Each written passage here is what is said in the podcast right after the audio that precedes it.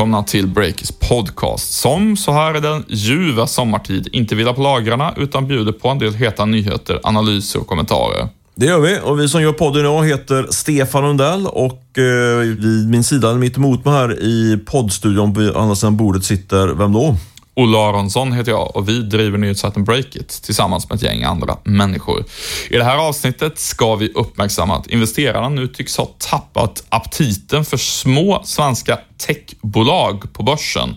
Eh, och så ska vi analysera varför Qliro börjar betala e-handlare för att de ska bli kunder. Eh, men först så måste vi såklart prata lite om den stora nyheten nu på onsdagsmorgonen innan vi spelar in det här. Eh, det är då att den danska entreprenören Anders Holst Poulsen, eh, han köper aktier i Klarna för över 2 miljarder kronor. Ja, det var en spännande nyhet tycker jag. Det kom ju här bara någon några minuter innan vi satte oss till rätta här där vi skulle spela in podden. Och enligt våra källor så köper han ju, och även Reuters det vill lägga till, över 10 av aktierna i Klarna, vilket baseras på den senaste värderingen innebär att han gör en affär på ungefär 2,5 miljarder kronor. Han pumpar in ungefär 2,5 miljarder kronor i den där. I, i Klarna, vårt eh, kanske mm, tillsammans med Spotify mest upphaussade techbolag. Intressant. Mm, ja, verkligen. Det finns uh flera kul aspekter med det där. Eh, vi kan väl berätta kort då att Anders Holst Paulsen, han är en väldigt tung techinvesterare i Norden. Eh, han började inom eh, mode offline kan man säga. Exakt, i Europa får man säga. Han ja. har investerat i ASOS, den brittiska klädhandlaren och jag tror han äger runt 10% i Zalando som är Europas största klädshop. Ja, men exakt. Han, är, han började inom offline-mode kan man säga, stor investerare där och nu jättestor investerare i europeisk e-handel kan man väl eh, summera honom. Och han har även investerat i Mathem, kan ju vara lite kul ur ett svenskt eh, perspektiv. Eh, mer intressanta grejer med den här affären, Stefan? Ja, det är ju som sagt ett styrkbesked då att det kommer in en sån pass eh, meriterad och väldigt kapitalstark eh, investerare i Klarna. Eh, och eh, vidare så tycks nu finansieringen eh, av eh, det här köpet av Billpay som man aviserade för ett antal månader sedan, den tycks vara klar nu. Eh, det är flera personer som har eh, uppgett det för oss. Eh, vi har ju tidigare skrivit om att Klarna har hållit på och sondera terrängen för en stor nyemission. Men nu har man säkrat de pengarna. Ska vi säga att det är oklart om det är via nyemission eller bankfinansiering. Det får återstå att se. Eh, men eh, det faktumet att eh, Paulsen går in här i bolaget är väl också ytterligare en indikator på att, på att man har löst den, den lilla detaljen. Det är ju någon miljard eller två som man behöver in för att för att klara den där finansieringen.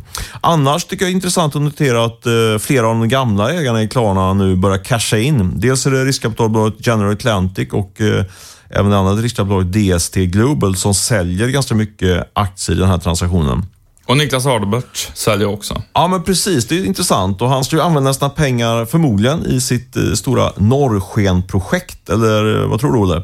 Ja, eh, så är det. Och med den lilla snygga övergången så kan vi ju gå på veckans eh, nyhetsnotiser i korthet. För Niklas Adelbert, han har ju bland annat en riskkapitaldel inom ramen för eh, Norrsken och där har de nu gjort sin största investering hittills.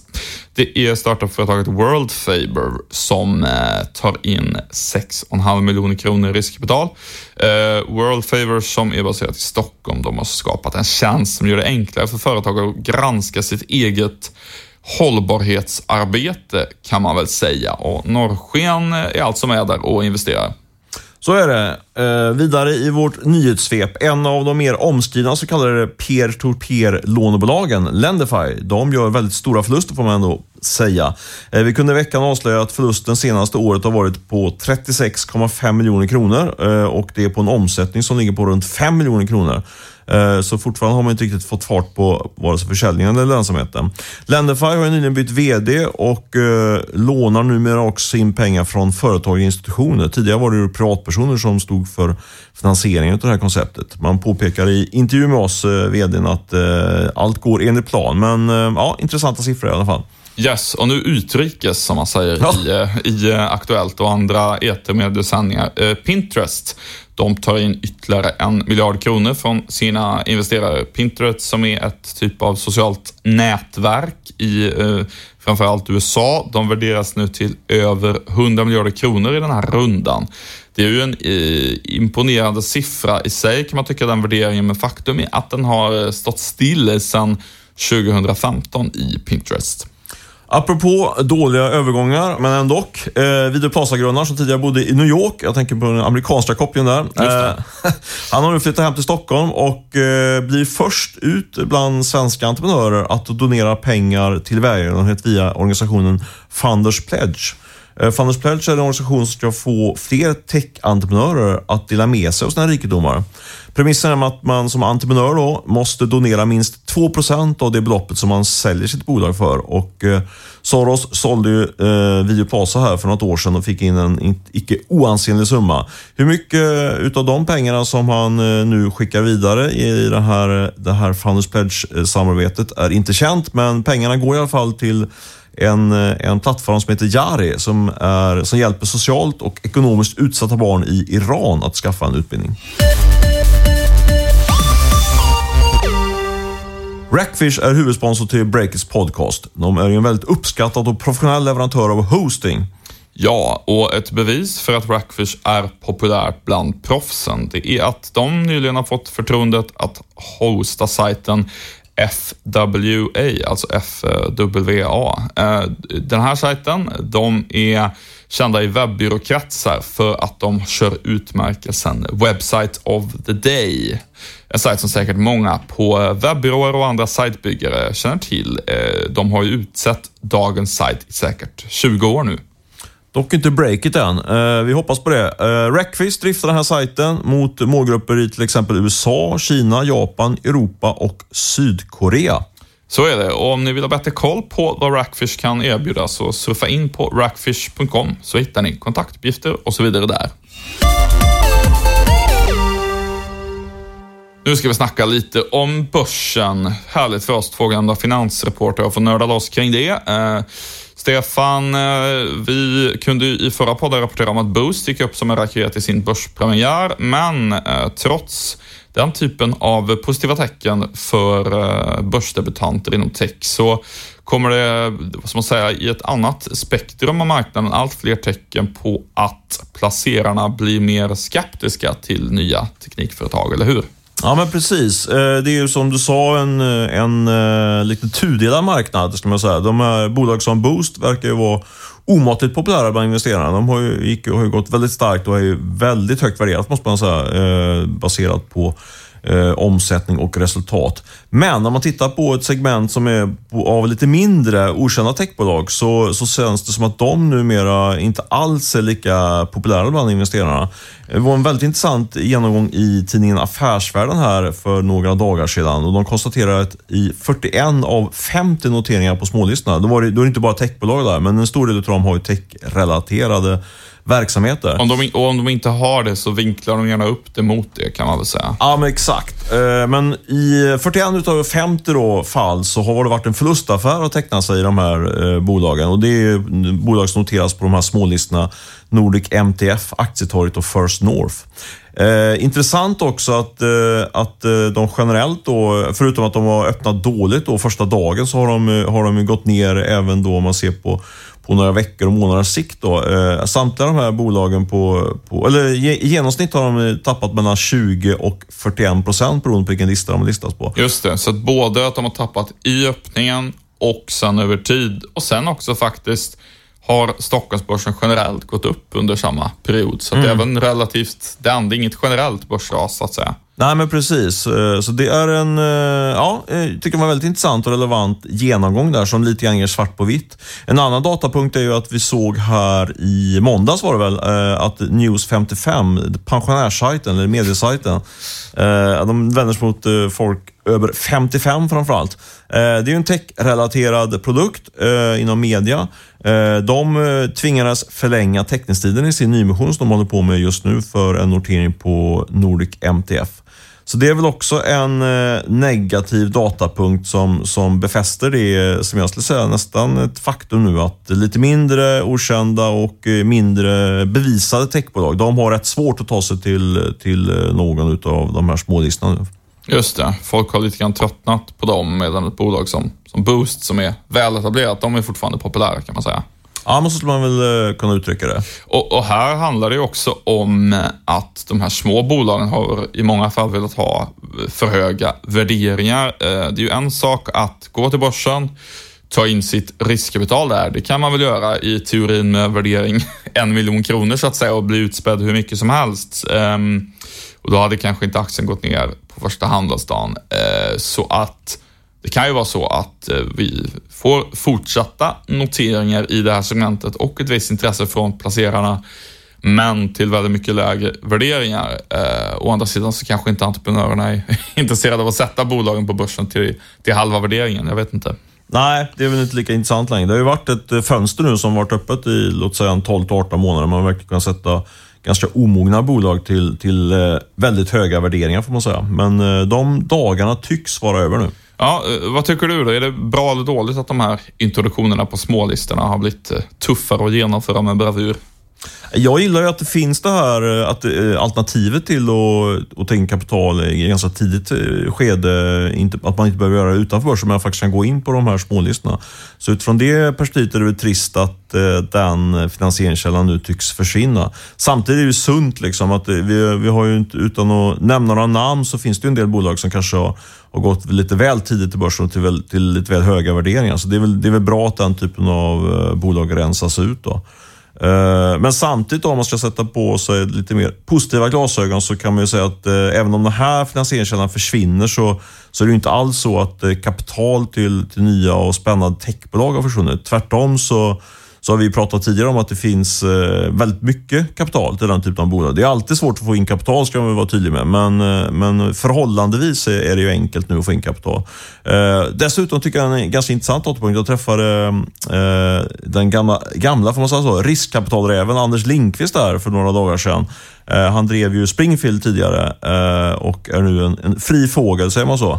Ja, det kan man nog säga. Han har lite olika saker på gång tror jag. Eh, men han noterade, som jag inte tänkt på, att eh, det formligen forsar in statligt kapital i de här tidiga faserna för techbolag. Alltså eh, i, i det som kallas A-runder eller till och med under där, när man tar in kanske en 5, 10, 15 miljoner. Hur, hur, kan man illustrera det med någon siffra eller så? Att det är verkligen den ökningen? För man har den bilden, men vad består den av egentligen? Ja, men Anders eh, Lindqvists spaning var ju att eh, dels har du det här statliga Saminvest eh, som är en som är en, en ny riskkapitalkonstellation kan man säga, på statlig basis, där man slår ihop ett antal gamla riskkapitalbolag som har haft statlig finansiering till det här Saminvest. Och sen har du också Europeiska investeringsfonden som, som gör stora investeringar. Och båda de här två eh, kommer tillsammans då och pumpa in sådär en eh, 2-3 miljarder kronor i, eh, på den svenska marknaden under de närmaste åren. Och de här investeringarna ska matchas med privat kapital. Så effekten blir att eh,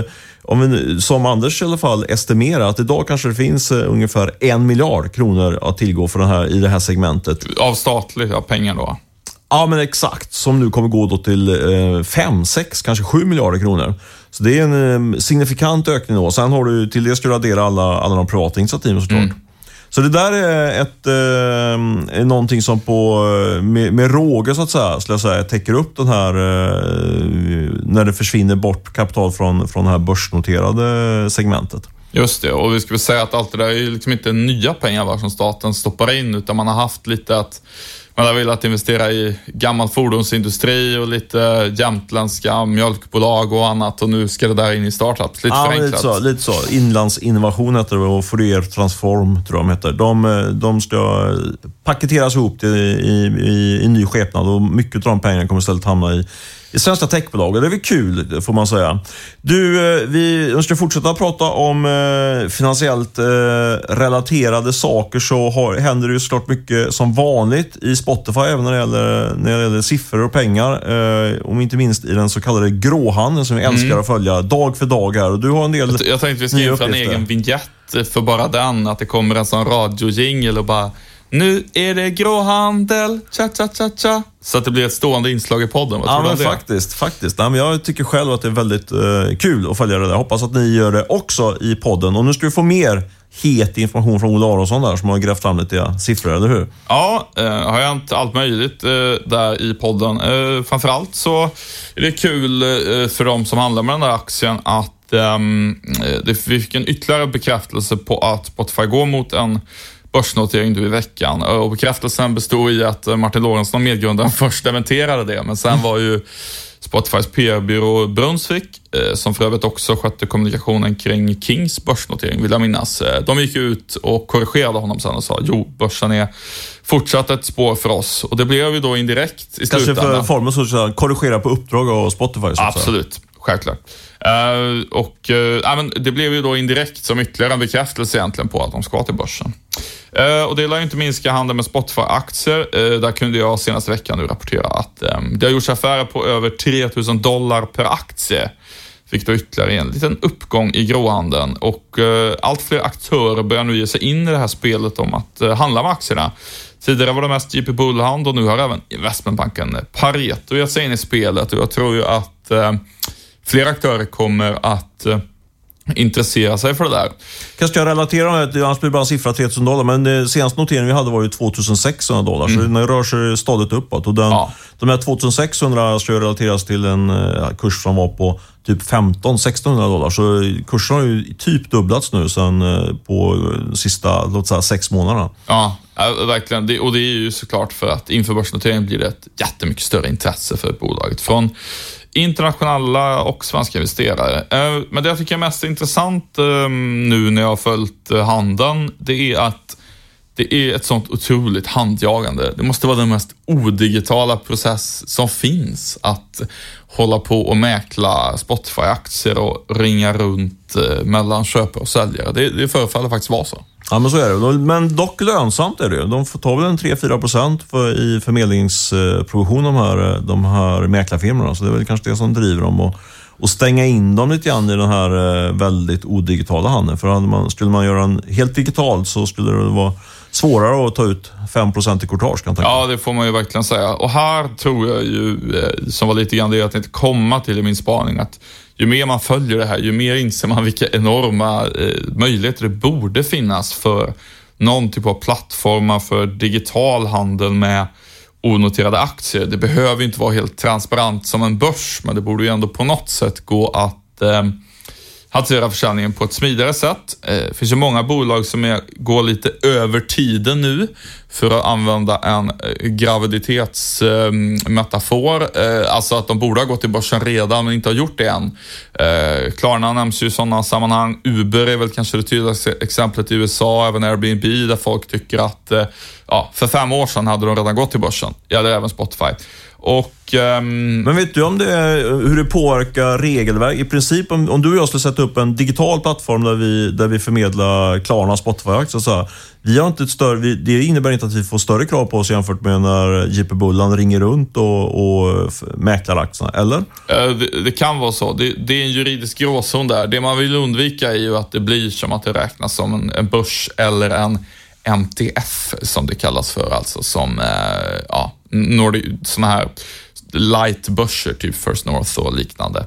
Eh, det, det vill man ju då inte räkna som i ett sånt eh, scenario. Jag, jag tänker väl mer att eh, man, kan, man kan hitta något, något sätt att matcha köpare och säljare eh, utan att själva liksom affären är automatiserad, så att säga. Att det fortfarande mm. är JP Boland som sitter och sköter det där, men det, det måste kanske inte vara var via telefon, så att säga. Nej, men jag tror, att du, jag tror att du, att du är något på spåren. Det där borde finnas någon... Det är lite paradoxalt nästan att, att de här eh, superinnovativa techbolagen så att säga handlas på det sättet. För, det, för som sagt, man tar 3 kanske uppåt 5 i avgift. Liksom. Det är löjligt höga avgifter. Så det, det är ju verkligen de, både köpare och säljare som är förlorare i den här transaktionen. De stora vinnarna är ju JP Bulland och, och Pareto och allt vad de heter. Liksom. Så det där ja, det kanske är något som vi borde ge oss in i, Olle? Ja, det, ja, kanske inte just vi, men det är väl lite grann det här som Peppins och en del andra försöker göra. Som man försöker skapa ett steg mellan att vara ett helt vanligt privat bolag och att vara ett eh, publikt börsbolag. Man försöker hitta något mellansteg där, där det går att digitalisera handeln. Det skulle ju vara bra för ja, Sound Industries är väl ett annat eh, exempel på det, där det säkert finns väldigt många gamla ägare som vill hitta ett smidigt sätt att, att komma ur aktien. Men så är det. Samtidigt tycker jag det är ett intressant fenomen på hur man eh, från de här gamla, eller de, de här tunga så att säga, mäklarfirmorna och investmentbanker, att de utnyttjar någon form av flärd och, eh, eh, jag vet inte vad man ska kalla det, tyngd. Liksom. Eh, för egentligen handlar det ju bara om att mäkla ihop två köpare och säljare. Det är, inga, det är inga jätteavancerade eh, materia. Det är lite grann samma som en advokatfir. Advokat kan ta liksom 3000 spänn i timmen bara för att det är en advokat. Mm. Det, så det, du menar där, man skulle kunna sätta vilka tjejer och killar som helst lite grann på att ringa runt och fråga om, om, verkligen. om pris Nej, men Det där är verkligen ingen rocket science. Det är verkligen bara att, att mäkla ihop två stycken sådär. Så ja, det var väl lite så det var förr innan, innan alla eh, automatiserade aktiehandelstjänster och så kom. Mm. Ja, det ska bli intressant att följa. Men kul om någon tog tag i det där. Om inte annat så skulle vi kunna rapportera lite ännu mer i realtid eh, kursutvecklingen. Det vill man ju, vill man ju gärna vara med på. Så hör av er om ni får några idéer kring detta.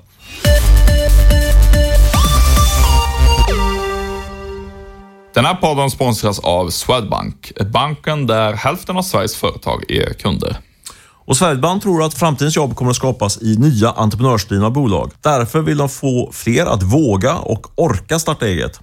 Vi kan ju själva intyga att det känns eh, rätt läskigt och man tvekar både en och två gånger innan man säger upp sig för att prova det här entreprenörslivet som i och för sig är väldigt roligt också. Mm, ja, men så är det verkligen och därför så kör Swedbank nu igång ett initiativ som heter Swedbank Rivstart. Det är en tävling dit alla är välkomna att skicka in affärsidéer som kan ge en positiv boost till samhället generellt. Vad menas då med en positiv boost? Eh, det kan vara många saker, men till exempel en tjänst som hjälper nyanlända att komma i arbete, ett eh, nytt filter för luftrening och bättre miljö eller ja, varför inte en ny typ av kontorstol som gör att man får mindre ont i nacken på jobbet till exempel. Yes, och tävlingen går till så att en namnkunnig jury utser upp till 10 vinnare som får en kvarts miljon vardera i startkapital samt plats i ett utvecklingsprogram och hjälp med att genomföra idén. Mm, det är fint det. Och målet det är att 10 nya företag ska födas.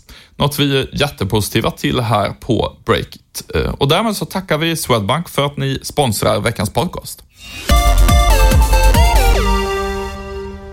Nu tänkte jag att vi skulle prata lite om Qliro, e-handelskoncernen som alltmer börjar bli ett betalbolag. Eh, de agerar ju rätt aggressivt för att få nya kunder och i veckan berättar vi att de i praktiken betalar e-handlare för att de ska bli just deras kunder. Olle, eh, du har ju grävt lite mer i det här. Kan inte du berätta hur, hur, får man, hur hänger det ihop att man betalar för att få kunder? Ja, eh, det är väldigt intressant. När man tänker på att betala för att få kunder, då tänker man ju kanske främst på att man köper marknadsföring eller sådär. Men det är inte så i det här fallet, utan det är verkligen en eh, på riktigt att eh, kunderna får pengar för att hoppa på kan man säga. Det är ju så här att i betallösningar på internet, när man betalar med faktura, eh, så uppstår det alltid finansiella intäkter av olika slag kring den där fakturan. Fakturaavgift är ju vanligt. Eh, det finns också dröjsmålsräntor och påminnelseavgifter och så som många irriterar sig på när betalbolag skickar ut det och eh, allt det där är ju en typ av eh, finansiella intäkter och eh, generellt sett så är det väl så att man säger i branschen att det är de mest lönsamma delarna av en betallösning, alla de där finansiella mm, fakturarelaterade intäkterna. Och nu går Klira ut och säger till e-handlarna att vi delar med oss av de här finansiella intäkterna med er. De har i vissa fall erbjudit kunder att ta 0% i transaktionsavgift, den som ofta kan vara 1,5 eller liknande annars. Och dessutom då att eh, man får en andel av alla de här ja, dröjsmålsräntor och så vidare, alla de där finansiella intäkterna. Eh, och på så vis blir e-handlarna lite av en förmedlingsplattform för lönsamma krediter, eh, skulle man kunna säga. Rätt intressant. Verkligen, men, alltså, men hur gentilt är liksom det här erbjudandet från Qliro? Jag antar att de har en tänker sig att de kan räkna ihop den här, räkna in den här affären ändå? Liksom, eller? Ja, eh, dels så handlar det ju om att det är tufft för dem tror jag att, att slå sig in på marknaden. Det är mycket konkurrens och då måste de prisa in sig. Eh, men det handlar ju också om att eh, det här är lite grann, tror jag, den utvecklingen som branschen generellt sett går mot. Um, de här fakturaintäkterna är ju liksom de klart mest eh, lönsamma delen. Det går liksom inte att komma ifrån. Eh, jag gjorde ett litet räkneexempel för eh, mig själv. Nu generaliserar jag ganska mycket så att en del betalnördar kanske irriterar sig på det, men det får de göra. Tänk dig att du köper en t-shirt för 200 spänn på internet och så är den här vanliga transaktionsavgiften då 1,5 procent till betalbolaget. Intäkten blir då, vad då? Tre kronor. Exakt, bra. Och om du köper den på en faktura och så betalar du den lite sent och så får du en påminnelseavgift på 20 kronor. Då blir ju intäkten totalt 23 kronor, eller hur? Mm. Så det blir ett enormt intäktslyft då och det är väl så man kan beskriva den här fakturalösningen att potentialen på hur stor intäkten kan bli blir liksom väldigt mycket högre och marginalen på de där 20 kronorna i påminnelseavgift är oftast väldigt bra. Återigen, ja, jag generaliserar en del här. Men det säger ju någonting om lönsamheten i, i fakturalösning och eh, varför det är typ eh, ja, kreditutgivande bolag som, som är bland de mest eh, lönsamma i samhället överlag. Jag ska säga att Klarna tidigare också faktiskt har, ehm, har kört eh, lite liknande modeller med så här revenue share på fakturaintäkterna.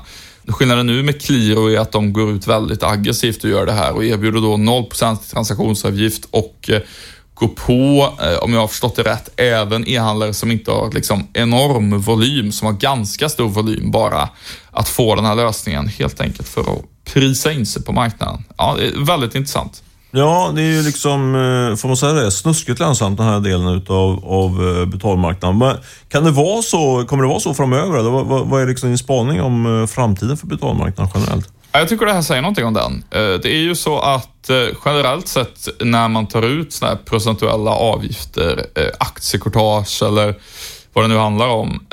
Det behöver i och för sig inte vara procent på aktiekortage, men det kan vara det. Och de går ju generellt sett mot noll i samhället. Det är ju bara att titta på typ ehm, en startup som Robinhood i USA som bland annat Google har investerat i. Det är ju aktiekortage med 0% i grundavgift och sen kan man betala för extra tjänster. Um, och det gäller väl alla betalbolag egentligen att den här rena transaktionsavgiften den, den rör ju sig successivt mot noll allt eftersom skalan på hela businessen växer och konkurrensen blir tuffare. Så 0% är det som vi eh, kunder kan se fram emot, 0% avgift? Ja, på lång sikt så ska det i varje fall röra sig mot noll vad gäller de rena transaktionsavgifterna. Eh, det är klart att man måste ju få betalt på något sätt för att man bygger själva tjänsten, eh, Qliro eller Klarna Checkout eller vad det nu är. Men successivt ska det som sagt röra sig mot, eh, mot noll. Men ser man mäklarbranschen som varit inne, alltså aktiemäklarbranschen som har sett en eh, rätt kraftig konsolidering där i och med att, eh, att eh, intäkterna gått ner i alla fall på det traditionella mäkleriet. Är det är det, det, det scenariot Förutom de som mäklar Spotify-aktier då? Ja, men exakt. exakt.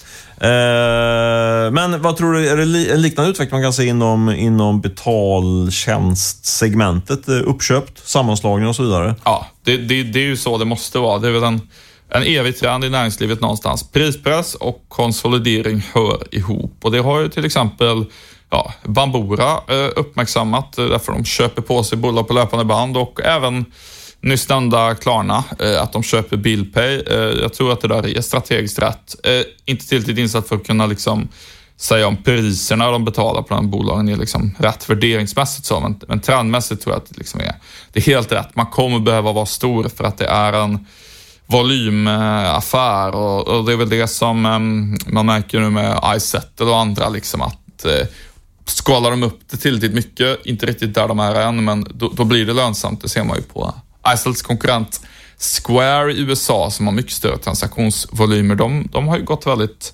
bra senaste tiden. Så att eh, absolut, uppköp och sammanslagningar, det, det tror jag är framtiden. Mm. Ja, men intressant att följa. Det är alltid kul med affärer och eh, det är ju generellt väldigt intressant, hela det segmentet som vi, som vi kallar för fintech eh, på svengelska.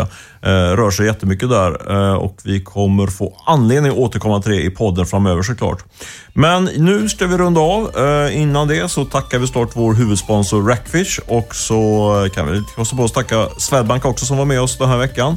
Eh, vidare så klipper Beppo eh, ljudproduktion den här podden och eh, det tackar vi såklart för också. Mycket tackande här. Eh, men annars har jag ingenting mer att säga. Har du något mer att säga, Ode? Nej, vi eh, hoppas att ni får njuta av fint väder här nu de kommande sju dagarna så hörs vi nästa vecka. Hej då! Hej då!